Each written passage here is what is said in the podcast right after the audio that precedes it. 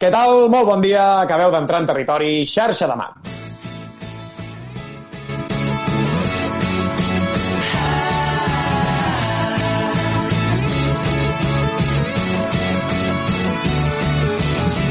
És diumenge i és dia de xarxa de mat. Abans d'entrar en matèria, fem una ràpida repassada a la revista actualitat. Enric Garcia, molt bon dia.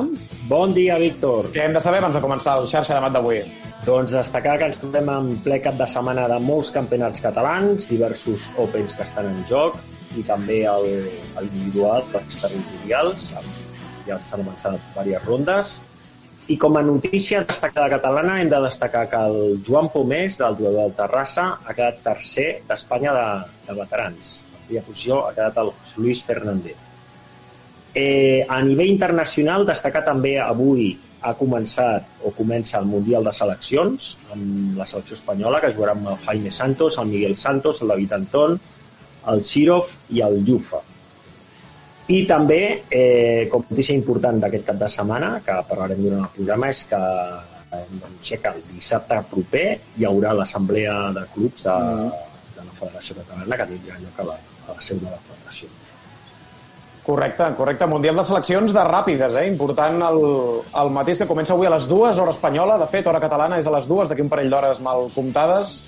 Em sembla que, evidentment, es podrà seguir en directe a les diferents plataformes que normalment retransmeten aquesta mena de campionats, però sí, l'alineació de la selecció espanyola ja us l'ha dit l'Enric, amb, amb el Javier Ochoa d'acompanyant i amb el David Martínez del Divis de capità.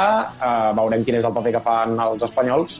Però bé, un torneig que a vegades sí que ser una mica desapercebut, uh, aquest Mundial de seleccions de ràpides, però que si us agraden allò els escacs dinàmics, si us agrada uh, veure partides que són molt més ràpides que no pas uh, estar 5 hores davant d'un monitor, doncs aquest, sens dubte, és el vostre, el vostre torneig. Avui és diumenge, diumenge 20 de novembre del 2022, 20 de novembre, ho he llegit. Avui deu fer, 2022, deu fer 47 anys, no?, que va morir Francisco Franco i, bueno, comencem el programa ja de bon rotllo, xarxa de mat número 233, tota la informació escaquística, com sempre, a l'hora del vermut, programa en què posarem la lupa damunt el menú que ens espera dissabte que ve a l'Assemblea de Clubs de la Federació Catalana, ho deia l'Enric, una assemblea en què s'han de sortejar els números dels equips de la Lliga Catalana, en què s'ha d'aprovar el calendari esportiu, en què s'ha de donar també llum verd als pressupostos i a l'augment en el preu de les llicències, condicionat a l'augment de la inflació, i una assemblea en què també s'ha d'aprovar la proposta que presenta la federació per poder flexibilitzar el campionat absolut de Catalunya i que sigui la Junta, la que ha arribat al moment, sigui la que esculli el format de competició per no estar lligat um, a un reglament que teòricament s'hauria de complir. Aquest any ha passat, ha estat un tancat pels, pels jugadors absoluts, un tancat absolut i un tancat femení, i el reglament estipulava que havia de ser un obert. Per tant, ara la federació, per curar-se en salut, perquè no hi hagi reclamacions, com, com hi ha hagut aquest any, que al final ha quedat en paper mullat, però perquè no hi hagi reclamacions, doncs es vol curar en salut eh, fent aquesta flexibilització del campionat perquè sigui la Junta la que esculli quan arribi el moment eh, quin format de, de competició té l'absolut. Veurem també què ens dona de si el torn de pregs i preguntes a l'assemblea, veure quin és l'estat dels clubs, potser allà es comenta alguna cosa interessant, i veurem també quina és l'assistència, perquè ens fa l'efecte que és una assemblea que pot semblar una mica un tràmit i potser molta gent s'estalvia el fet d'haver d'anar fins a la seu de la federació i s'estalvia el fet també de matinar per una assemblea que potser serà molt, molt tranquil·la. Veurem, en qualsevol cas. Aquest serà el tema principal del programa, l'assemblea, de tot plegat. En parlarem amb el mestre FIDE i FIDE Trainer Xavier Ávila, director esportiu de la Liga Vendrellenca, i amb Jordi Pellicer, que és el president del Club d'Escacs Montmeló. Tot això i moltes coses més, des d'ara i fins la una, aquí a la sintonia de Cent de Ràdio, a la xarxa Són les 12 i 4 minuts. Comencem. You used to call me on my cell phone. Late night when you need my love. Call me on my cell phone. A set de ràdio, xarxa de mat, amb Víctor Cullell. Ara ho comentàvem, avui taula telemàtica del xarxa de mat, tertúlia a distància d'una banda amb el mestre FIDE i FIDE Trainer Xavi Ávila. Xavi, què tal, com estàs? Bon dia. Hola, bon dia. Moltes gràcies per convidar-me i molt content d'estar aquí amb vosaltres. Eh, plaer, plaer sempre nostre. Feia també uns mesos eh, que no teníem el Xavi Ávila, ja des de la temporada passada. Em sembla que també va ser per la tardor. No sé Va si començar la primera ronda de divisió d'honor, va ser quan vaig estar amb vosaltres. És veritat, és veritat. Em sonava també del, del novembre o de l'octubre o del desembre de l'any passat, però no, el gener ja, el gener o el febrer, al final no sé quina, quina va ser la primera ronda, no sé si va A ser finals de gener, finals de gener. doncs eh, exactament, me'n recordo, me'n recordo, és veritat. Mira, avui, um, la, abans de, de, de començar a definir com seria el programa d'avui, parlam amb el Xavi per intentar convidar-lo pel dia d'avui i, i em vas comentar, Xavi, que divendres eh, vau tenir un sopar de temàtica escaquística, no? Bueno, nosaltres som un grup d'amics, uns 10, que cada mes o cada dos mesos, perquè a vegades sembla que no, que és molt difícil quedar per sopar amb gent de diferents eh, llocs, aleshores intentem quedar per compartir una, bueno, una bon sopar, uns bons comentaris, però clar, hi ha gent que jo abans veia molt i ara que sóc de Rodalies, perquè vic aquí a Vilanova i la Geltrú ja fa bastant d'anys, doncs costa més a veure'l. Però bueno, està el Marc, Mar el Marc Narciso, el Jordi de la Riba, l'Edu, el Jordi Peleato, el, el Miquel Fernández Díaz, i van convidar també a l'Abel, al Tebar, vull dir que uh, hi ha molta gent. Aleshores ens ho passem bé, la veritat. I comentaves fora de micròfons que del sopar, no sé si, o no sé si va sortir del sopar o no, eh, però que portes una llista de temes a lo Abel, eh, a Abel Style. Bueno, l'Abel em va comentar coses, però la veritat és que també més gent, no? També gent que, que es pregunta coses que no entenen i que a vegades jo tampoc entenc. I aleshores, doncs, bueno, també així passem i passem una bona estona. Molt bé, doncs a veure si tenim un forat avui per, per intentar encabir alguns d'aquests temes. No sé si... M'imagino que relacionats amb la gestió federativa, mm, si parlem de l'assemblea segur que tindrem temps per encabir-los. En qualsevol cas, eh, ja que dèiem que l'any passat el vam tenir aquí en qualitat de, de comentarista, no? la primera ronda de la divisió d'honor, m'imagino que la Liga Vendrellenca també preparant la Lliga amb un repte Bueno. majúscul no? aquest any. La veritat és que estem preparant eh, doncs, l'equip, però bueno, la, la Lira, tot el club va molt bé perquè el curs passat, o l'any, la temporada passada van fer una cosa històrica, és a dir, que tots els equips, tots, eh, això és gairebé impossible, doncs tots els equips van pujar de categoria. Mm. I també és veritat que el primer equip per primera vegada a la seva història va arribar a Divisió d'Honor. I clar, jo l'any passat jugava de tercer tauler i ara estic intentant jugar de lo més a baix possible. Eh? Ara per ara estic al sisè tauler, però estic intentant a veure si podem trobar més gent o fitxar més gent perquè jugui encara més a baix. déu nhi El que passa que, bueno, hi ha de tot, no? Perquè teníem apalabrat algun titulat que després diu que no i, bueno, no és tan fàcil com sembla. M'imagino, m'imagino. Quins fitxatges tenim assegurats a aquesta hora? Es poden dir o no? Mm, eh, jo diria que no. Llàstima. Ho havia, ho havia de provar. Ho havia de provar. Però bueno, déu nhi si dius que l'any passat jugaves de 3 i que aquest any estàs jugant de 6 i que potser acabes jugant de 7 o, o més avall, vol dir que... Sí, sí, la veritat és que tenim... A veure, eh, jo fa dos anys que estic a la Liga Vendrellenca i la veritat és que estic impressionant, no? Perquè té una junta directiva amb el Jordi Mas, l'Edison, el Salva, el Jordi, el Fèlix, que són una màquina, és a dir, mm, eh, et posen moltes facilitats. Jo estic allà també amb l'escola de sacs, tenim 25 nens, ara de dilluns a divendres obrim, fem classe i la veritat és que tot va, va força bé i aleshores estem buscant jugadors amb unes condicions. Però sí, ja tenim ja tres confirmats, ja, ja veure que si podem d'alguna forma incrementar el nivell de l'equip. També és veritat que volem que gent de tota la vida de, de, de la Lira vendrellenca doncs, torni i, i jugui, no? perquè ja que s'ha pujat a Divisió d'Honor doncs, també és molt important. Molt bé. Doncs mira, Enric, potser que tinguem en compte obrir una secció setmanal de Mercato. Vull dir, l'Ivan Marina era qui s'encarregava a Facebook no? de posar aquell fil de fitxatges i desfitxatges de cada temporada i ara que ens acostem al mes de desembre, ojo, eh? Tenir algun expert Sí. de fitxatges no és dolenta, eh? Jo, jo ja aviso. Jo crec que és, la, és, és el moment, o sigui, és el moment, mm. perquè ja al gener ja se saben ja les plantilles i ara encara, encara no han sortit les, les llistes definitives i tot això. És el moment d'aquest tipus de rum- rumorologia, no?, que pot ser interessant, que surtin noms i tot això, o preguntar, a veure, almenys Sí, sí. si, en, si es rumoregen coses. Sens dubte, sens Home, dubte. hi, hi ha un fitxatge molt important, encara que no sigui de divisió d'honor, que és el, el Miquel Illescas. Vull dir, l'Illescas va dir que jugaria amb el Tres Peons, una, un club històric, a veure si el tornen a pujar a divisió d'honor. I la veritat és que, que torni a jugar a un jugador del seu nivell i categoria, doncs és, és bo per la Lliga Catalana. Sí, sí, pobres els primers taulers de primera divisió que s'hagin d'enfrontar al Miguel Illescas, que no sé si la jugarà totes, eh? però si juga ni que siguin 3 o 4 ja serà una incorporació molt important. Eh, Sí, sí, si juga ell i la seva dona, Olga, vull dir que uf, serà un equip molt fort. Molt bé, a l'altra banda de la taula telemàtica avui tenim el Jordi Pellicer, el president del Montmeló. Jordi, què tal? Com estàs? Bon dia. Hola, bon dia, molt bé. Des del local de la Lira aquí a Barcelona, eh, amb tots vosaltres, perquè s'està jugant un torneig de promoció de nens i hem aprofitat que ens, el Carles ens ha deixat una sala i aquí estic amb vosaltres. Molt bé, això anava a dir, eh, que avui tenim el Xavi Ávila de la Lira Vendrellenca i el Jordi Pellicer, que és del Montmeló, però que el tenim a la Lira, en aquest cas de Barcelona, per aquest torneig de promoció que hi ha que avui es disputa i que em sembla que acaba diumenge que ve, no, Jordi? Sí, són tres diumenges al matí, sis rondes, a un ritme de 30 més 30, i trobo que està molt encertat. Llàstima de que no s'ha omplert.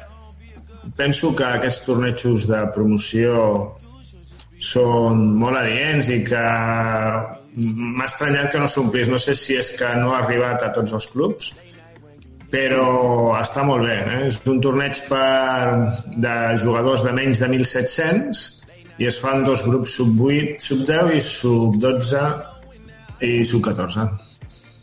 Sí, bona pinta, bona pinta. De fet, el, el Carles van parlar-hi per també si podia estar al programa un dia d'aquests i em va dir, mira, doncs fins al 27 ho tinc complicat perquè he de fer aquí de, de xèrif del torneig de promoció i la veritat és que quan m'ho va dir jo no sabia que es feia aquest torneig. O sigui que, que està bé, està bé dir-ho i si es repetís hipotèticament l'any que ve, doncs eh, que la gent sàpiga eh, que els diumenges al matí eh, com a mínim tres diumenges al matí del mes de novembre si repeteixen format i dates i campionat i aquest torneig de promoció a, a Barcelona.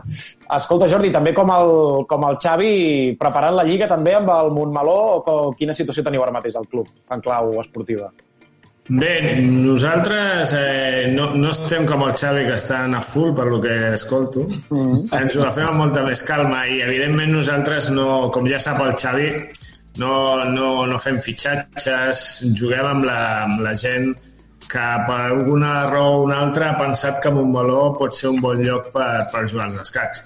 De fet, vam pujar l'any passat a primera divisió, mm. però no crec que hi hagi gaires novetats. És més aviat una colla d'amics que anem jugant però no tenim unes expectatives de, de fitxatges, senzillament de passar-nos-ho bé i poc més.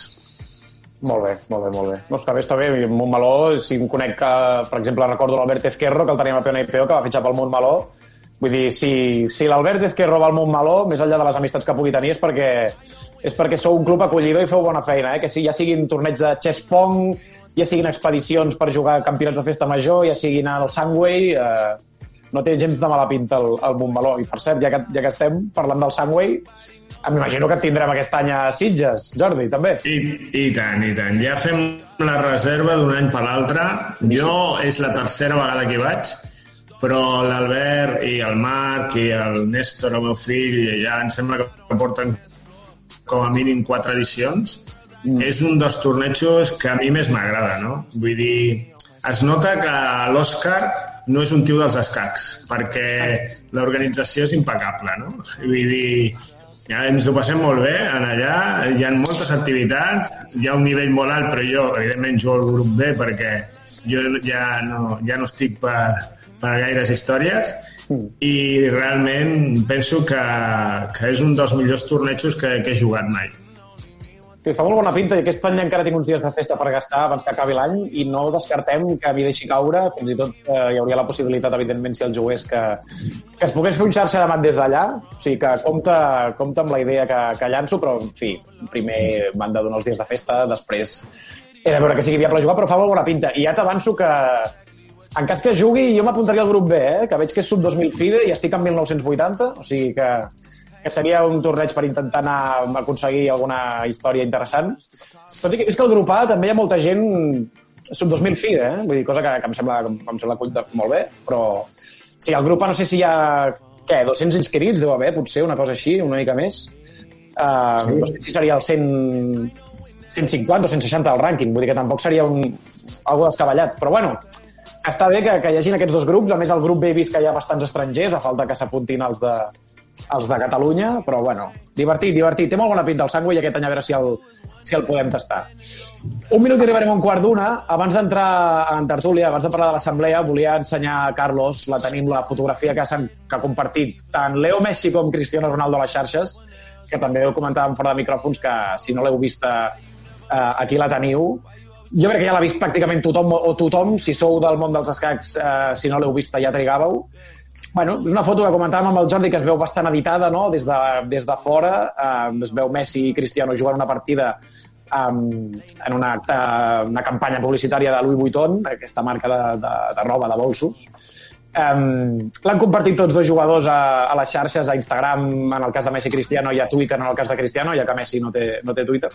Però, bueno, res, feia gràcia, no sé si em voleu dir alguna cosa. Uh, això que deia més, veu molt editada, es penja avui, o ahir a la nit, vaja, coincidint amb la vigília del Mundial de Futbol que es juga al Qatar, i, i sembla que ha tingut molta volada, i ho comentàvem una mica amb el, amb el Xavi, no? que, que sembla que els escacs estiguem una mica de moda, Sí, la veritat és que sí. Amb aquesta foto que ara, la, bueno, aprofitant que comença el Mundial de Futbol eh, i els dos jugadors tenen molts seguidors, doncs aquesta foto l'ha vist milions i milions de, de persones, no? A més a més, també tenim el cas Nieman aquest, que, Sí. que també dona molt de suc, i la veritat és que els escacs, amb coses bones i altres no tan bones, estem amb, amb bastanta publicitat.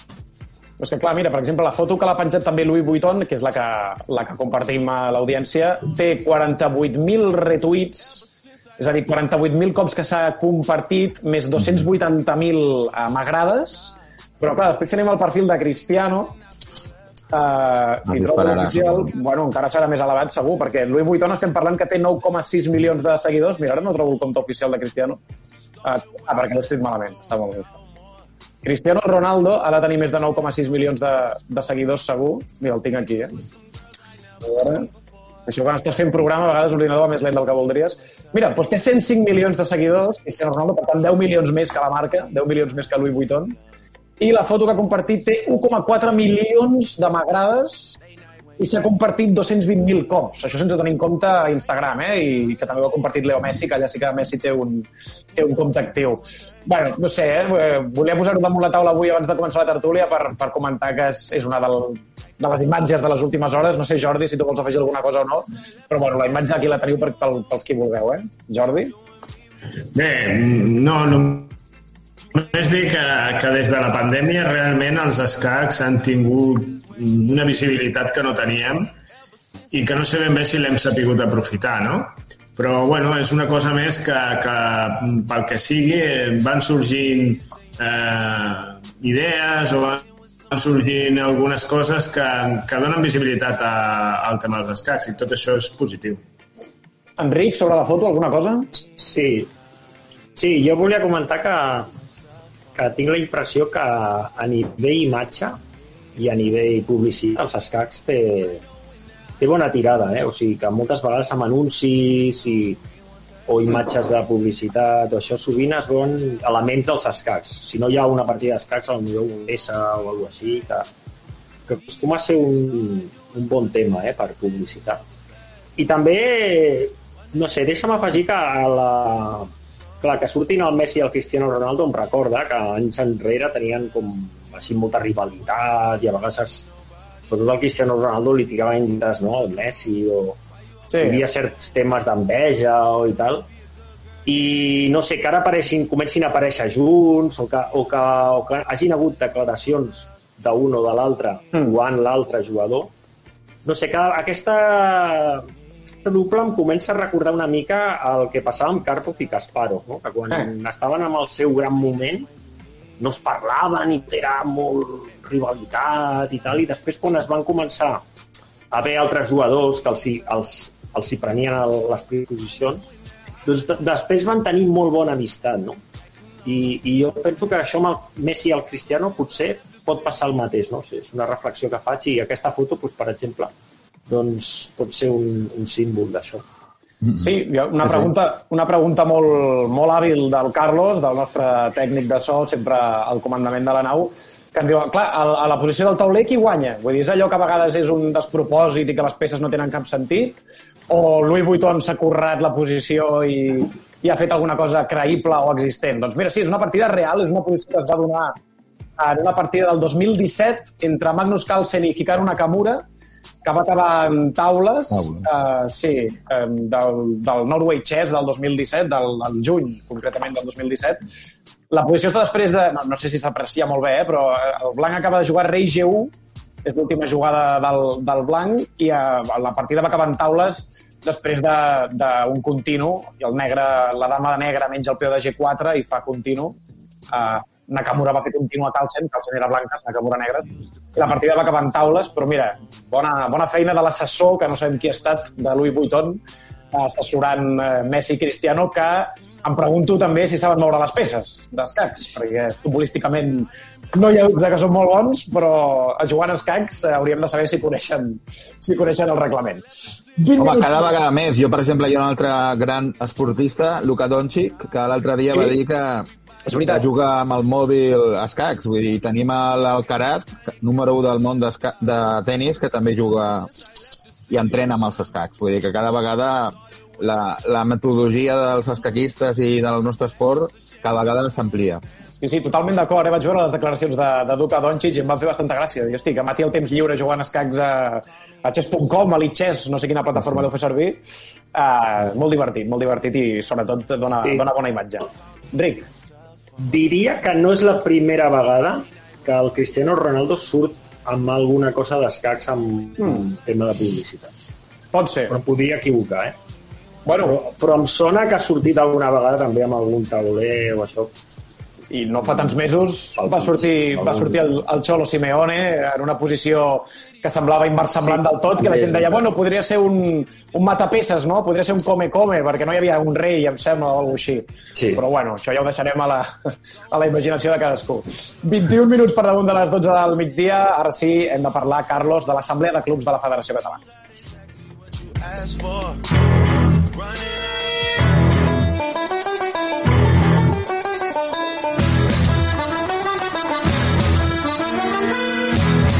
Assemblea de Clubs de la Federació Catalana. Doncs sí, perquè estem a menys d'una setmana vista perquè es faci aquesta assemblea de clubs. Uh, avui ha arribat el moment de desgranar una mica els temes que s'hi tractaran. Com fem sempre que hi ha assemblea aquí al programa, tot plegat sembla que girarà entorn, diguem-ne, mm, o calculo, de tres eixos. D'una banda, l'aprovació del calendari esportiu, que ja sabem que dictamina les dates dels tornejos oficials que organitza la federació. De l'altra, l'aprovació i el control dels pressupostos amb l'augment del preu de les llicències diguem-ne, com a tema més destacat o com a tema més cridaner, i finalment també el canvi de format de l'absolut que proposa la Junta, en aquesta proposta de modificació del reglament general de competicions que dèiem, que provocaria que la federació pogués decidir el format de l'absolut eh, en funció de les circumstàncies o de les necessitats del moment sense contradir el reglament ja existent. Tot això sense tenir en compte, com dèiem abans, el torn obert de pregs i preguntes en què cada club doncs, podrà posar a debat els temes que cregui oportuns. Abans d'entrar en matèria de ple, diguem-ne, eh, deixa'm preguntar-te, Xavi, si aniràs tu a l'assemblea o si tens previst anar-hi o si en aquest cas hi anirà el Jordi Mas com a delegat territorial de Tarragona i com a membre del club de la Liga Ventallenca. També. Bueno, tinc un problema de dates perquè que la meva filla fa 9 anys aquesta setmana i el diumenge ve aquí tota la família. Serem gai- gairebé 20 persones aquí dinant i la veritat és no podré assistir. Però bueno, estic convençut que el Jordi Mas, doncs, com bon, molt bon president de la Lira i de la territorial també de Tarragona estarà. I a més jo crec que ell té algunes aportacions bones per intentar millorar alguna circular com aquesta de l'Absolut. Perquè, clar, bueno, ja parlarem després, si voleu, però eh, la veritat és que abans es consideraven, jo ara que pertenc a la territorial de Tarragona, com jugadors, no?, els campions de cada territorial que puguin jugar o tenir les despeses gratuïtes i tot això ha desaparegut. Sí, sí, sí, és totalment... És totalment. És a dir, jo crec que tots els clubs o no, que, que no som, diguem-ne, de Barcelona o, o de prop, doncs jo diria que haurien de votar que no. Mm, sí, en parlarem, eh, aquesta- d'aquesta modificació del, del reglament general. Deies 9 anys, la teva filla, Jordi, ja comença a moure les peces o encara no? La meva filla, sí, Candela juga, el que passa Juga. que li agrada més ensenyar i la veritat és que la competició va competir una mica amb la Lira, té fitxa amb la Lira, naturalment. No sé, som família, els tres, la dona, la filla i jo tenim fitxa, vull dir, encara que ara la pugin una miqueta, continuarem traient la fitxa, Molt i la veritat és que li agrada. Però bueno, li agrada més quan vaig a la seva escola i faig horari lectiu, que això li agrada molt, i també s'ho passa molt bé. Està bé, està bé, està bé. Tu, Jordi, tens previst anar a l'assemblea? En principi sí. És cert que després per la tarda hi ha un torneig que estem, que anem a, allà a Ronçana i del, recordo alguna, alguna assemblea que s'allarga fins molt tard. Però en principi sí, sí que, que, que hi penso anar-hi. Heu discutit ja els temes en junta eh, del Montmeló per, per saber que, que, que si esteu a favor o en contra, si aportareu alguna, algun prec eh, després. No, de fet, la... vull fer una reunió just després de, del que diguin, no? Mm. Eh, no sé si hi ha gaire a parlar, si serà una, una assemblea... El problema de les assemblees presencials, jo penso que la, les assemblees online tenien un avantatge i és que eh, s'omplia de gent mm. i que hi havia moltes veus. En canvi, a les presencials acostuma a anar-hi molt poca gent. No? Aleshores, de vegades se centren en temes que, que potser no tenen. No sé com anirà aquesta, eh? però el tema de les assemblees presencials, si van 20 persones, realment no acabem de representar tots el, els clubs. No sé quina és la fórmula màgica, però, però ja et dic que les assemblees presencials que he anat en moltes vegades no acaben de, de, de parlar-se de, de realment el, el que més interessa per, pels escacs. Mm, sí, jo, a mi sempre m'ha agradat un format híbrid, però clar, a nivell logístic, a nivell tècnic, no sé fins a quin punt és, és complicat eh, tenir una càmera web que transmeti en directe l'assemblea i que pugui servir perquè uh, gent que viu lluny, per exemple, pugui entrar i pugui dir la seva. M'imagino que no tindrien dret a vot. Vull pensar que no... No sé si els estatuts en aquest sentit es podrien modificar, es podrien um, diguem-ne, actualitzar o modernitzar, fent que, que es pogués votar telemàticament. Però crec que per, per clubs de fora de Barcelona, que, que estan lluny de Barcelona, en definitiva, els aniria bé un format híbrid. Perquè el problema que teníem amb el format telemàtic és que això, que les votacions em sembla que no podien constar en acte o no podien ser, no eren 100% legals, no? I això potser no depenia de la federació. No sé si vull pensar que era un tema de l'UFEC o, fi, no ho sé, no, no, no, no controlo el tema, eh? però estic parlant per parlar. Però em sembla que hi havia un problemes d'aquesta mena. Dit això, estaria bé que retransmetés, i tant, i tant, i tant, jo estic totalment d'acord.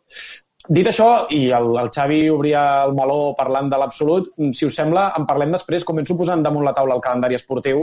Tenim la imatge, Carlos, del, del calendari esportiu. Vosaltres, no sé si, si el rematarem tema, eh, ràpid, aquest tema. No sé si veieu alguna cosa destacable per comentar. M'imagino que alguns se'ns en va la vista cap al Campionat de Catalunya per equips d'edats, després dels quatre dies d'aquest any, i ja el primer que veiem és que canvia de Tots Sants, que s'havia fet en els últims anys, per tornar cap al 12 d'octubre, cap al dia de la Hispanitat, que cau en dijous.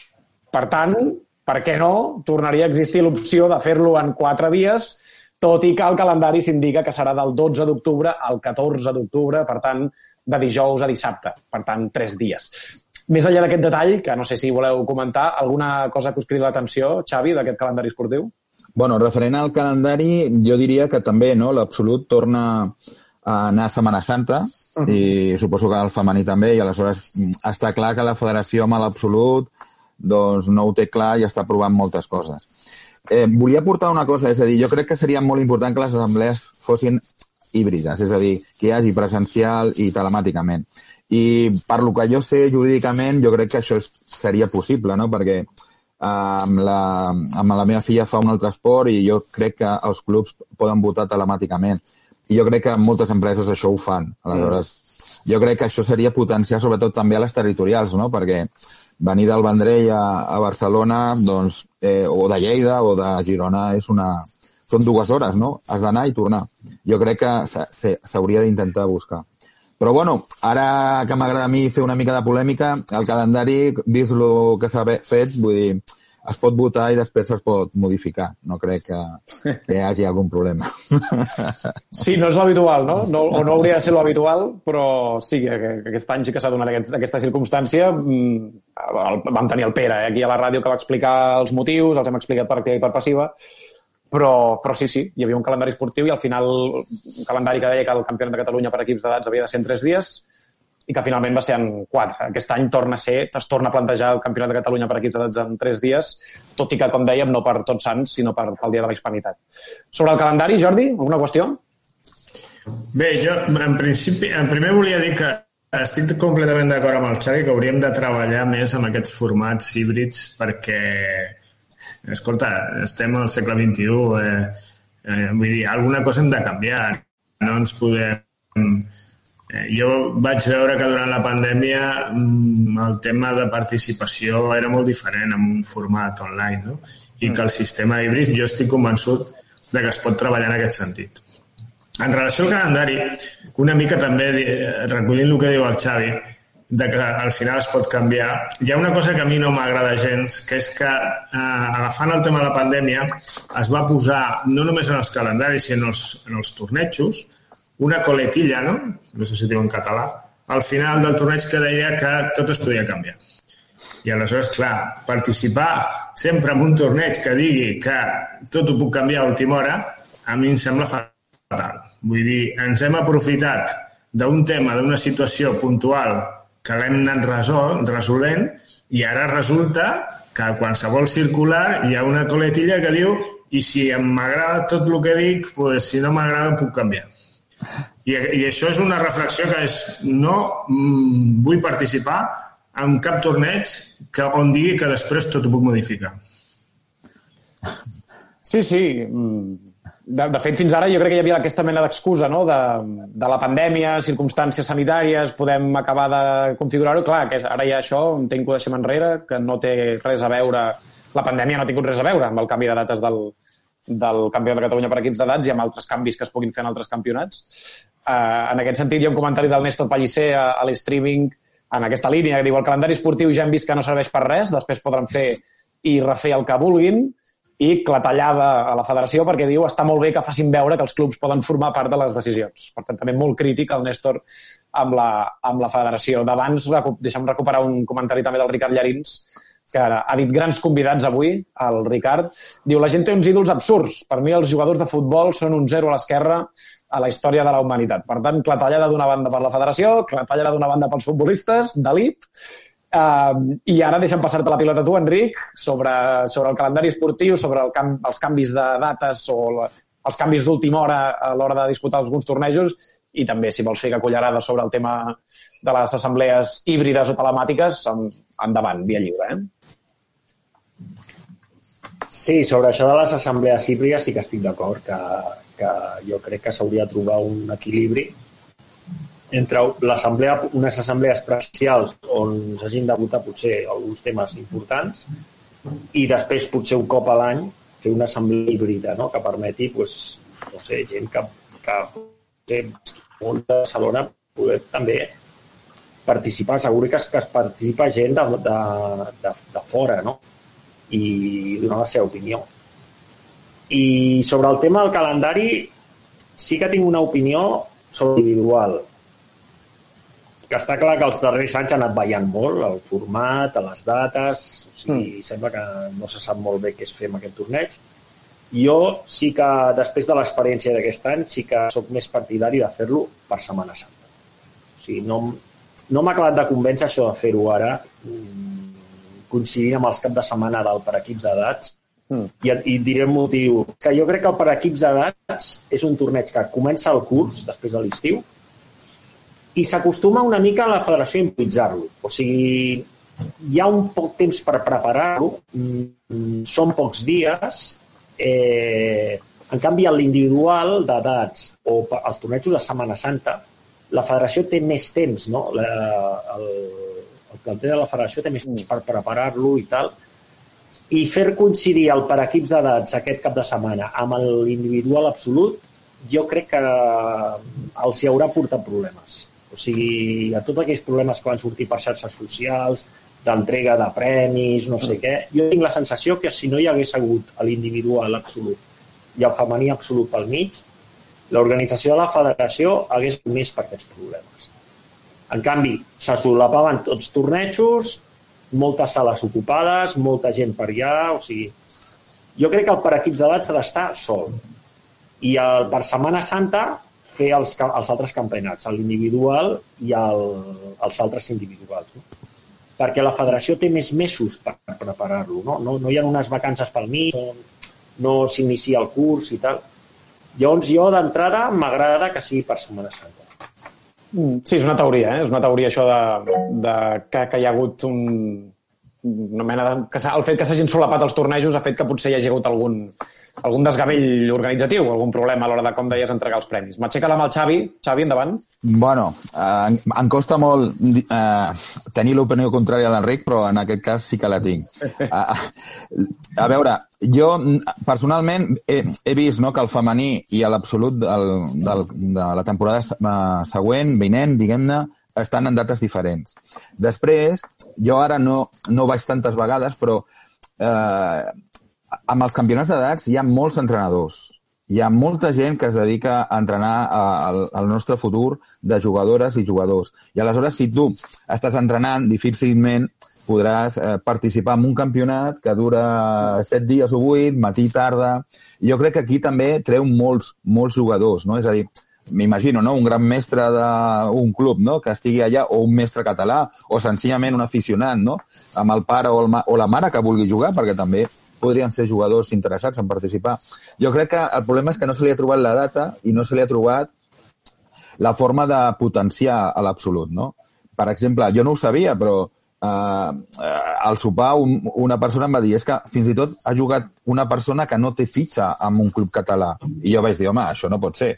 Doncs sí, sí, hi ha un jugador que ha jugat la final de Catalunya que no té fitxa en un club català. O almenys jo he tornat a mirar abans de d'entrar a la ràdio i, i no surt com un, un jugador que té fitxa. I per mi això és una mica, bueno, és inconcebible, no? I jo crec que li estan intentant buscar i la, la proposta que fa la federació senzillament és eh, deixa'm fer el que jo vulgui fer i com vulgui fer, no? com de- deia el Jordi Pellicer. No? Jo, per exemple, que treguin això de que els jugadors eh, campions de les territorials de Girona, Tarragona i Lleida no puguin jugar, doncs mm. jo eh, no, no sé com dir-t'ho, no, no ho trobo bé, no? O, per exemple, no? un punt que estic llegint ara, no? un jugador promocionable escollit per al director de, del torneig. Jo crec que això també seria interessant, no? promocionar jugant a l'absolut.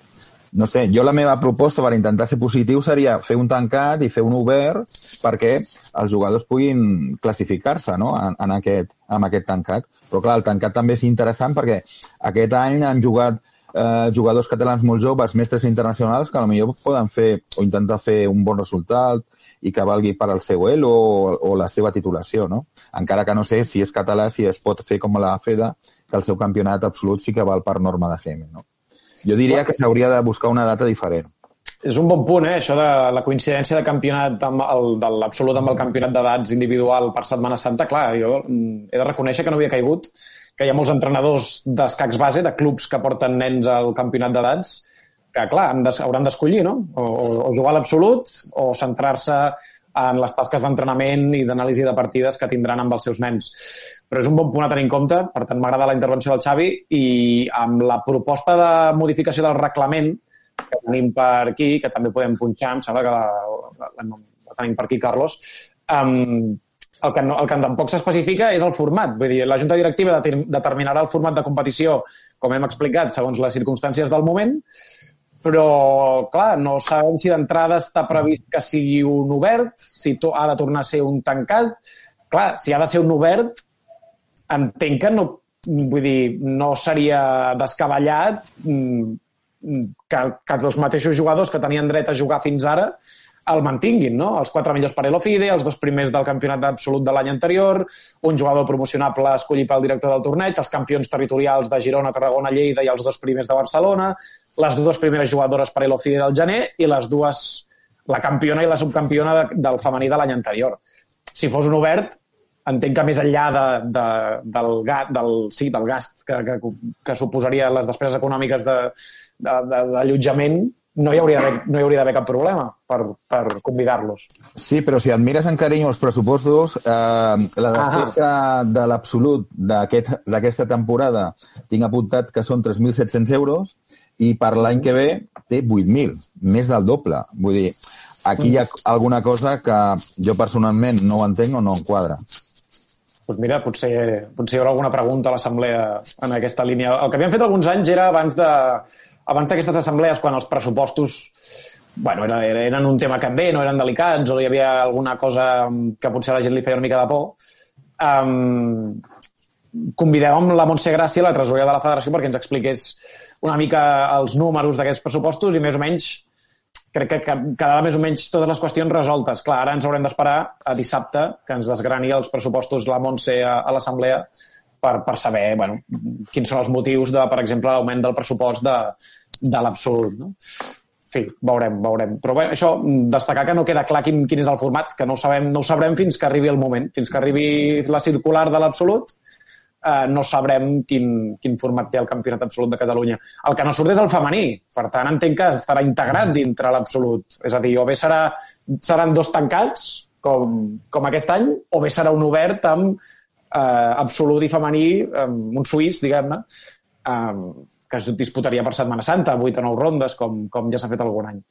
Però, evidentment, això no ho sabem i, i n'haurem d'esperar. Sobre l'absolut, Jordi, volies afegir alguna cosa? Uh, sí. Davant. Realment, mm, bé, eh, comparteixo moltes de les opinions, però jo crec que el problema de base, el, el, real, el problema eh, que hi ha mm, és més profund.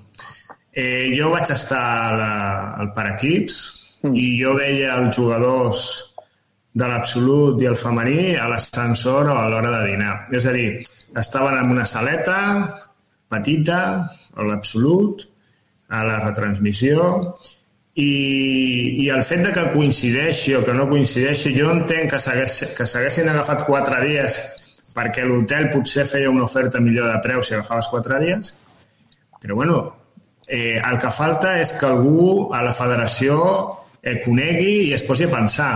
Tu potser pots fer un festival, com es fa al Bali o no sé, o, on te pots organitzar diferents proves que totes s'encaixin en un puzzle i, i, que, i que realment allò funcioni. Per mi el problema de base és, és aquest. Vull dir, el per equip d'edats mm, hi havia coses que sense sentit, que ja se n'han parlat, eh, els formats i tal, vull dir, tot això no acaba d'encaixar. Jo no vaig sentir, jo no vaig tenir la sensació de que cap nen que jugava al d'edats mmm, veiés res de, de l'absolut. És a dir, eh, els fas coincidir, però al final ningú sap res de, del que està passant, no? Mm. Per tant, per mi el problema és que algú s'ha de dedicar a pensar com encaixa tot perquè surti més bé i si s'han d'agafar quatre dies o no, doncs pues, s'estudia, no? Només era aquest el meu punt. Mm.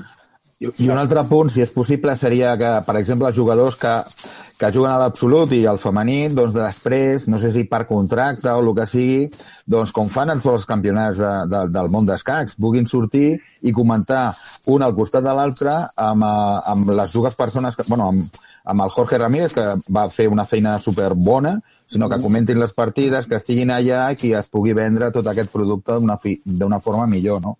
A mi em va sobtar que que els comentaris que, bueno, jo sóc una mica de la vieja escuela, diguem-ne, que és una de la part bona, no?, el tercer temps dels escacs es pugui fer. Mm.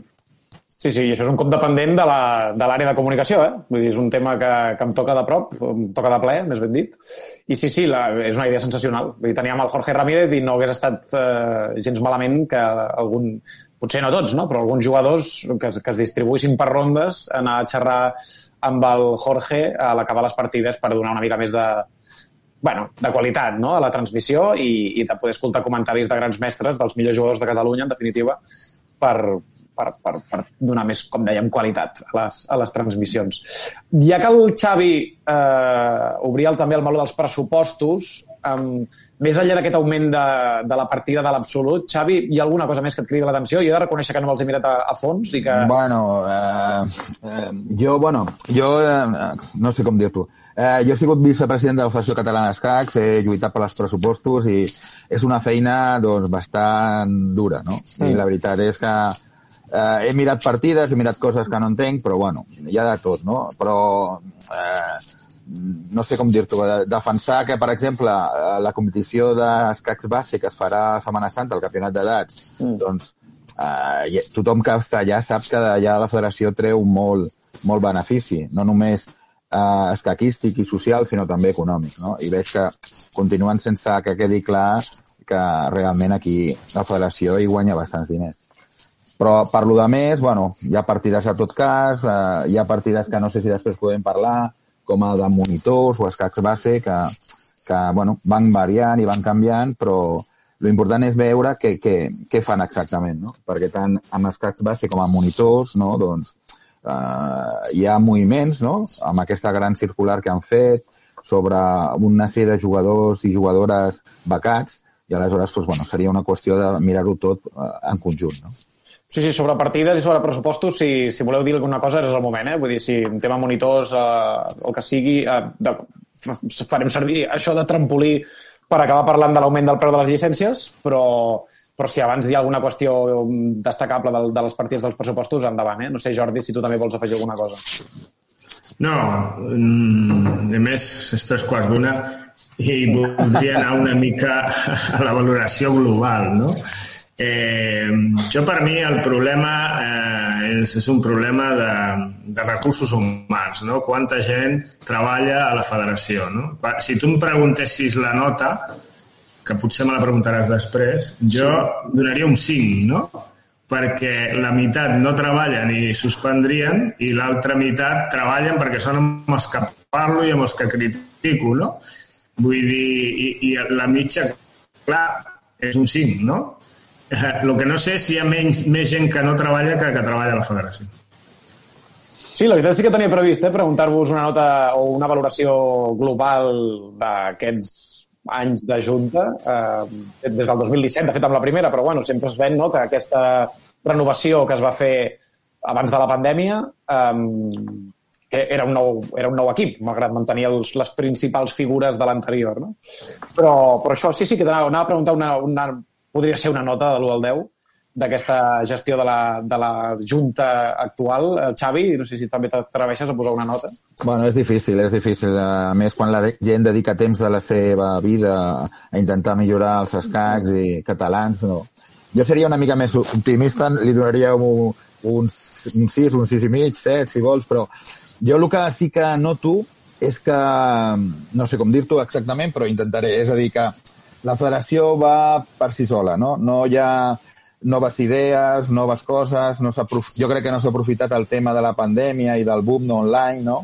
I, per exemple, continuem, i tothom es queixa de la pàgina web, però continua sent la mateixa, amb pocs canvis, eh, encara estem discutint sobre temes, no sé, de monitors. Jo, per exemple, sóc monitor i m'he mirat el número de fitxes i està actualitzat des del 7 del juny del 21.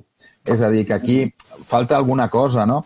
O una cosa que, que bueno, eh, em vaig donar compte a la festa catalana, no? El, el nostre equip va jugar i a l'hora de, de posar l'acte no, no, ningú hi havia pensat un espai per posar el nom del club.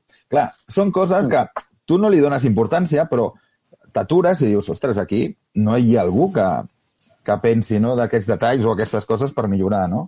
És com, per exemple, no, la, la circular d'escacs base, que Aquí realment doncs, hi ha feina, hi ha molta cosa a dir, no? però clar, abans hi havia una comissió d'escacs base amb una sèrie de, de persones, jo he buscat perquè sabia que no havia ningú, però he buscat per la web i la comissió d'escacs de base no hi situa, no? I clar, aquí posa un literal que és com els campionats aquests que vol fer la federació, no? I diu el Jordi, és a dir, diu, aquests esportistes que jo becaré, diu, han estat escollits pels seus resultats a diferents, a diferents tornejos, per la seva trajectòria, activitat escaquística i la seva variació de Leo. Això, i no dir res, és el mateix. És a dir, si haguessin uns criteris més, com t'ho diria jo, més fixes o més eh, raonables, tu sabries, no? Perquè, per exemple, a Tarragona hi ha algun club que, que, que ha preguntat perquè no hi ha algun jugador seu en aquesta llista de, de jugadors becats, no? Aleshores, jo crec que és una mica això, no? És a dir, eh, anar fent, no? Anar fent, anem fent, em toca fer això, ara em toca fer l'altre, però jo també crec que falta una mica de, de sang nova, amb, amb empenta i amb idees que intentin potenciar encara més els escacs. És la meva sensació, eh? però bueno. Mm. Enric, valoració, nota, també, per part teva? Bueno, i abans de fer la valoració sí que deixa'm comentar-te que el, amb el tema dels pressupostos sí jo vaig estar amb l'assemblea i hem tingut aquí també un parell de vegades la Montse Gràcia i la veritat és que ella per portar els pressupostos a mi m'agrada molt perquè ho explica mm. molt bé o sigui, ho té tot ben controlat o sigui, jo amb el tema aquest mm, jo crec que la federació ho està portant molt bé amb, mm. amb la persona d'ella. El que sí que és debatible, diguéssim, són els criteris per, per gastar potser unes partides amb, amb de campionat concret o no amb un altre o amb algunes activitats concretes. Clar, això, però, però això diguéssim que potser no és feina d'ella, que està quadrant tots els números, no? O sigui, això ja és qüestió més d'altres membres de la Junta i això sí que bueno, podria, podria ser més, trobo més debatible, no? però el que és, el que és que la, deixa'm, diguéssim, aclarir que la persona que està quadrant els números per mi té tota la confiança perquè realment és que ho explica molt bé. Els que hem estat a les assemblees o, o hem escoltat aquí el programa ho sabem. I respecte a les notes, jo estic bastant d'acord amb, amb el que va explicar el dia que va venir el Joan Antoni Pérez, que jo crec que aquí hem de tenir en compte que hi ha hagut la pandèmia i quan va, va haver la pandèmia jo crec que la, la Junta de la Federació i la Federació en general es va, jo crec que es va espavilar bastant. O sigui, jo, a mi em va, o sigui, van haver gests de la federació o activitats que van muntar o, o discursos o reunions que em va agradar molt. O sigui, jo en temps de pandèmia jo els hi posaria un nou, mm. us posaria un nou, si tinc clar que tothom a membre de la llista. I estic d'acord estic d'acord amb el Joan Antoni i amb algunes opinions que han dit el Jordi i el Xavi. O sigui que sí que tinc la sensació que darrere mmm, potser s'estan adormint una mica. Eh? O sigui, ha estat una mica... Sembla que, que potser no hi ha tanta empenta, no? O sigui, s'ha demostrat amb el campionat aquest de Lloret, no? Que hi ha hagut hi ha hagut errades o hi ha hagut jo crec que improvisacions és la paraula, no? perquè com és un torneig que arriba molt seguit de, de, després de l'estiu i han de començar a preparar-ho, ha hagut moltes coses que s'han improvisat, que potser han calculat que no, ten, no tindrien tanta repercussió per els quatre dies, no? I, I jo crec que també s'ha de tenir en compte que l'Antonio López, que era una persona important a la federació, s'ha jubilat i encara no hi ha un relleu clar, no té un relleu clar. I era una persona que feia una feina concreta important Llavors, potser sí que s'estem dormint una mica. Llavors, la nota actual que posaria ara se m'ha baixat del 9, eh? o sigui, posaria segurament un 7. Però si vaig a mullar, eh, això, perquè, clar, això hi ha moltes coses. Hi ha coses que agraden més i d'altres menys, clar. Molt bé. Jordi, la baixa de, de l'Antonio López, creus que és decisiva, també?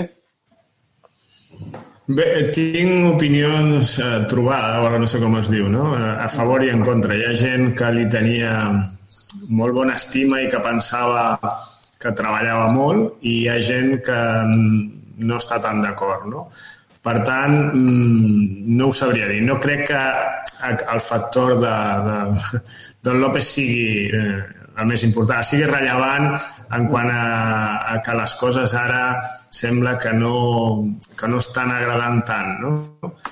Penso que, bueno, feia la seva feina, jo tenia bona relació amb ell, penso que de vegades, de vegades abarcava més del que devia, et contestava ell pues, les seves raons tindria moltes vegades, no? I posava la comissió en base ha decidido i, i potser ho decidiria ell perquè la comissió en base no es reunia mai, no? Vull dir, eh, però bueno, era una figura, una persona que ha estat treballant molts anys i el meu reconeixement, però no crec que sigui decisiu en el que estigui passant ara. Xavi. Bueno, mm, jo no puc parlar... Bueno, jo només puc parlar bé de, de l'Antonio López. No? És una persona que ha estat molts anys a la federació, jo he treballat amb ell i la seva dedicació per mi està fora de dubte. No? Però, clar, per exemple, una cosa, no sé si ho sabíeu, no? però aquí a Tarragona eh, han fet campionats i hi ha molts jugadors que no han cobrat els premis i, i tothom sabia que, que bueno, que van trigar tant, perdó, que van trigar en cobrar els premis, ja els tenen cobrats i van passar dos mesos o alguna factura i clar, eh, tu ja sabies que l'Antonio López es jubilava. Aleshores, hi ha una sèrie de coses que, doncs, no sé, no, no, no s'entenen. Però jo també estic d'acord també amb l'Enric, no? A la pandèmia jo crec que la federació fa, va fer molta, molta, molt bona feina i que ara doncs, bueno, hi ha un altre procés, no? Però sí que jo noto això, no? una mica d'empenta, d'idees noves, de coses. És a dir, jo, per exemple, el de la fitxa incrementar-la ho veig super... Bueno, jo votaria a favor, ho veig super bé, no? És a dir, és lògic, no?, en el moment en, que, en el que estem. Però hi ha algunes coses que són més difícils de, d'encallar, no? Però, clar, jo, per exemple, fa un mes vaig rebre una, una oferta de treball enviada per la Federació Catalana d'Escacs, no? I aleshores m'aturo, bueno, jo per sort, doncs, bueno, cada setmana faig 26 hores d'escacs, vull dir, no, no, no tinc a, a aquesta necessitat. Però clar, jo m'aturo, la miro i veig que no sé, que, que em sembla que sortia ni a 10 euros l'hora de, de feina d'escacs. Aleshores, clar, són coses que jo com a federació m'arriba un correu i dic, mira, possiblement aquest correu per als monitors catalans o per una altra cosa sí, però per als monitors catalans no, són, no és adient, no? perquè si ja nosaltres mateixos no d'alguna forma dignifiquem la, la nostra feina, doncs això també és un, un apunt que volia dir. No? Però també és, és molt dur, eh? És molt difícil conta, uh, a, a, contentar tothom. Sens dubte. Però la gestió de la federació crec que va ser el Joan Antoni Pérez, que va dir aquí al programa que, que a la federació li havia agradat molt de forma, quan havia d'actuar de forma reactiva, no? Eh, posant d'exemple la pandèmia, va haver-hi una pandèmia, tot eren adversitats i com a reacció va ser molt bé, però de forma proactiva, quan es tracta de crear, quan es tracta de, de millorar, d'innovar, d'intentar canviar alguna cosa cap a bé, doncs sembla que aquí sí que van, la federació en aquest cas aniria una mica més coixa. Això és el que va dir el, el Joan Antoni Pérez i se'n va quedar i més o menys és com ho agafava l'Enric, eh? vull dir que, que és més o menys això. Mira, ja que el Xavi, que em queden 5 minuts, ja que el Xavi traia el, el tema del preu de les llicències, que deia que, que ell sembla, li sembla bé, que li sembla de calaix, que s'hagin d'incrementar una mica el preu, um, l'argument que posa la federació per pujar el, les llicències i també la quota de club és eh, l'augment de l'IPC, mm, la inflació, vaja, que ha pujat molt en aquests últims mesos. Tenim la foto, Carlos, eh, de, dels preus d'aquestes llicències. La proposta és que les llicències sènior, la dels veterans i la dels sub-16, sub-14 i sub-10 pugin entre 2 euros i 1 euro, eh, un augment, diguem-ne, simbòlic, però que al final suposaria que la federació pogués fer front amb garanties, entenem, aquest augment de la inflació. I a la foto que teníem, que està publicada al web de la federació, escacs.cat, en aquesta circular eh, o aquesta prèvia de l'assemblea, també es veu com ha evolucionat el preu de les llicències en els últims anys. La llicència sènior al 2018 fa 4 anys costava 35 euros i ara ja arribaríem als 40 en cas que s'aprovin els comptes. La quota de club, per exemple, eh, arribaria als 200 euros. El Xavi ja deia que, que endavant, que, que creu que sí que s'hauria de votar a favor. Jordi, també? Bé, jo, jo penso que, que, que és normal eh, que es pugui fer aquest increment. El que, no, el que jo voldria demanar bueno, és el de sempre, no? és a dir, tu a canvi de què eh, pagues una llicència. Quan hi havia la pandèmia, ens van voler vendre, i jo no ho vaig comprar, aquest argument, de que no es podia fer res a la federació a nivell de tornejos i que la llicència s'havia de pagar perquè, bueno, era una forma de, de donar suport i alguna cosa d'aquestes. És a dir, jo estic d'acord en que es pugin els preus, però també demanaria realment que hi haguessin una altra manera de, de, de, de fer a, a la federació. I penso que, bueno, penso que la federació potser s'ho està, està plantejant, no? Potser ha. Jo, jo entenc que els càrrecs de la federació és totalment voluntari, és temps lliure que et treus i, per tant, eh, potser ha d'entrar gent nova, gent amb ganes, gent amb idees, bueno, una mica el que hem dit abans, no? Sí a la, a la pujada, però sí també a que les coses, a que s'acabi tot el tema de la precipitació, la improvisació i tot el que sembla que ens entorna actualment.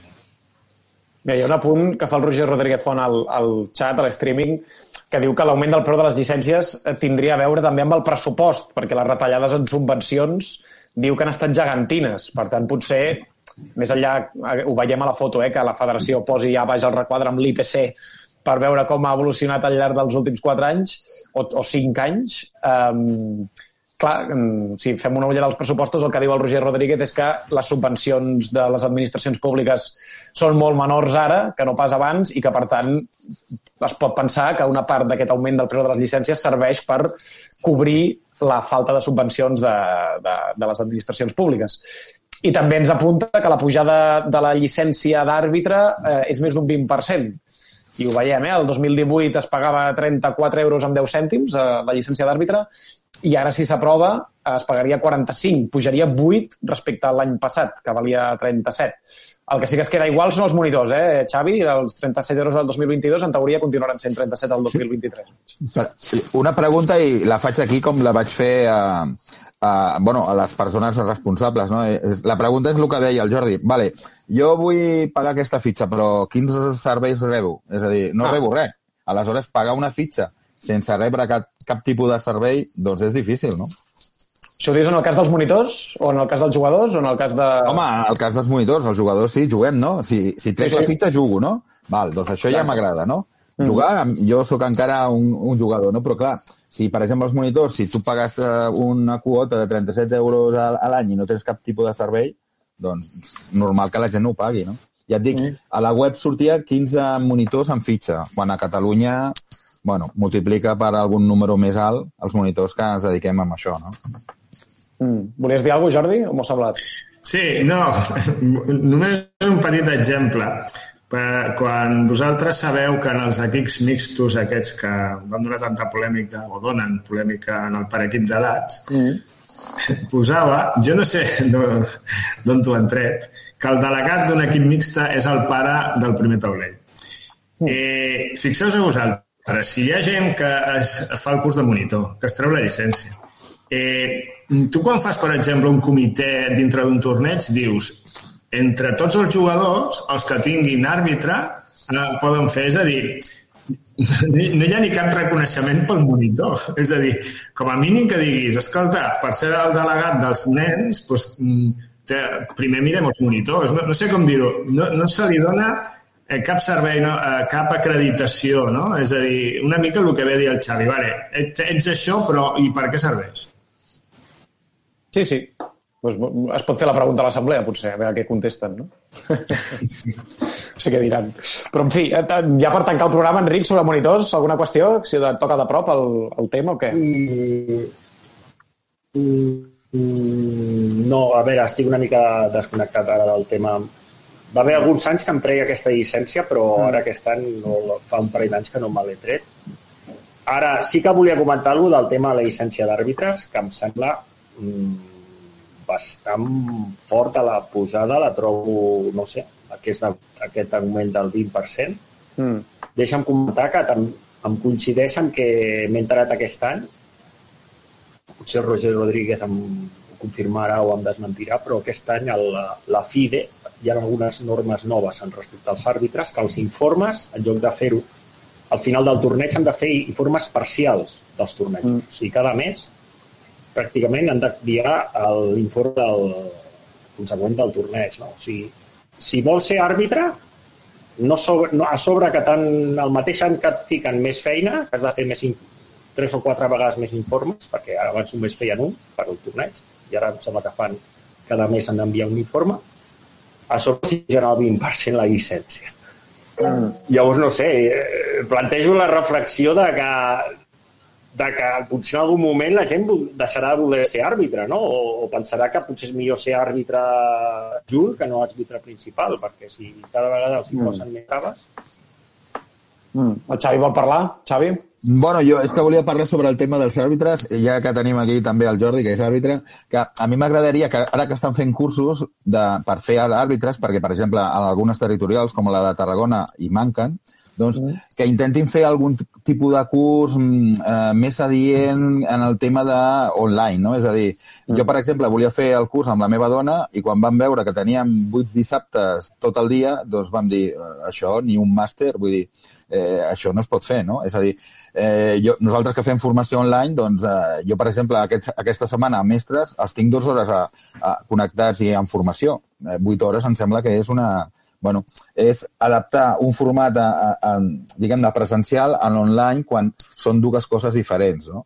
I, bueno, una suggerència seria fer una sèrie de vídeos amb els temes i aleshores, a partir d'aquí, cada eh, alumne pues, els pot mirar, els pot estudiar i, el, i, i els tindries per sempre, no? Però quan jo, jo vaig veure que hauria d'estar tot el dissabte enganxat a l'ordinador, vaig dir, bueno, això no és, no és raonable, no? Volia fer aquest apunt. Molt bé, molt bé, molt bé. Sí, sí, segurament són vale, una quantitat d'hores que potser molta gent és, és impossible que pugui assumir, no? Però, en fi, eh, també, també es pot... Eh, sí, mira, no sé si sortirà a l'assemblea, però en qualsevol cas um, està, bé, està bé que quedi dit. Quatre minuts per damunt de la una, ja estem en temps de pròrroga, ho deixarem aquí, eh, no, tenim, no tenim temps per més. Abans, deixa'm, per acomiadar el programa, deixeu-me preguntar-vos si teniu previst um, fer alguna intervenció en nom del vostre club per comentar alguna cosa al torn de preguntes. No sé si voleu teniu alguna cosa que heu pactat de comentar o alguna cosa que no estigui prevista a l'ordre del dia que vulgueu dir. No sé si ho, si ho teniu previst, Jordi, per exemple. Bé, jo si tinc previst anar-hi i si vaig parlaré, perquè si no, no té sentit.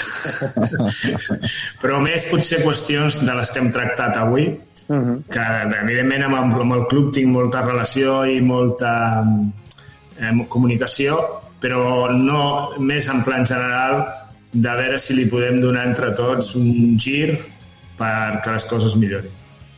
Molt bé. Sí, és un clam que crec que ja fa, fa bastants programes que l'estic escoltant, eh? Vull dir que...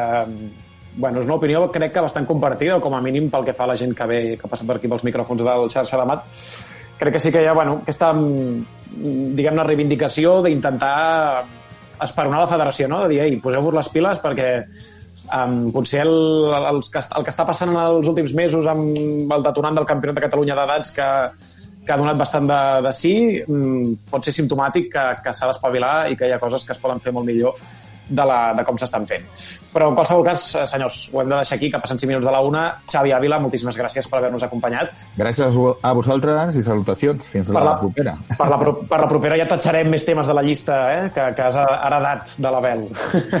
Bueno, jo, jo crec que també, eh, i aquí ara parlo amb, també en propietat, eh, si no tens temps o no, te, o no pots fer les coses, jo vaig donar en un moment donat un pas al costat i no mm. passa res. Vull dir que a vegades, si deixem que la gent pugui, no... Però clar, hi ha gent que, que la federació porta més de 20 anys.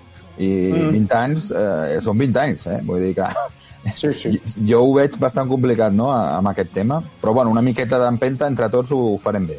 Que segur que existeix la vocació de servei públic, però al final, si portes 20 anys, segurament acaba desgastant i acabes sent menys productiu que al principi. No? Home, és que jo ho entenc. Eh? Vull dir, una persona que es dedica 20 anys a una tasca ah, com aquesta altruista, doncs, bueno, xapó. Exactament, exactament. I ara anava a acomiadar el Jordi, que no sé si se'ns ha penjat o què, perquè el veig aquí dissecat. Uh, Jordi, ens escoltes o, o t'hem perdut? Sí, sí, sí, us escolto. Se m'està acabant la bateria Ara. del mòbil. Ui. Doncs Ens veiem els que pugueu al Sunway. Molt bé, i tant, i tant. I si no, ja contactarem d'alguna manera. Segur que, que al programa en parlarem d'un dels tornejos que més ens agrada i que aquest any a veure si tenim el, el plaer de, de poder tastar. Gràcies al Jordi, gràcies també a tu, Enric, eh, per aquesta hora de xarxa de mat. I la setmana que ve ja crec que ja ens podem avançar que dissabte no emetrem perquè bueno, tindrem l'assemblea en dansa i crec que haurem d'anar diumenge per desgranar tot el que s'hagi parlat, tot el, totes les conclusions que en puguem extreure, amb totes les votacions i amb totes les intervencions que, que s'hagin pogut fer. Crec que no hi va el Ricard Llarins, per tant no tindrem cronista. Crec que tampoc hi va la Patricia Llaneza, per tant tampoc tindrem retransmissió en directe i em penso que ni tu ni jo, Enric, tampoc podem anar. No sé tu, jo em sembla que ja puc descartar la meva assistència perquè no dissabte al matí no puc anar-hi. Però bueno, haurem de veure que, qui, qui portem perquè ens expliqui tot el que ha passat a l'assemblea, Enric. A veure com va, això. Sí, jo t'anava a preguntar si tu anaves a anar Mala pinta. Si, si no pots anar, doncs segurament, segurament aniré jo, perquè oh, jo crec boníssim. que l'última assemblea que jo anés va anar molt bé, va anar molt oh, bé. O sigui, el programa que vam fer l'endemà ell es va fer bastant necessari que un dels dos és assemblea per, per, sí. poder, per poder comentar, no? Un dels dos que, que presencialment jo que hagi vist tota l'assemblea.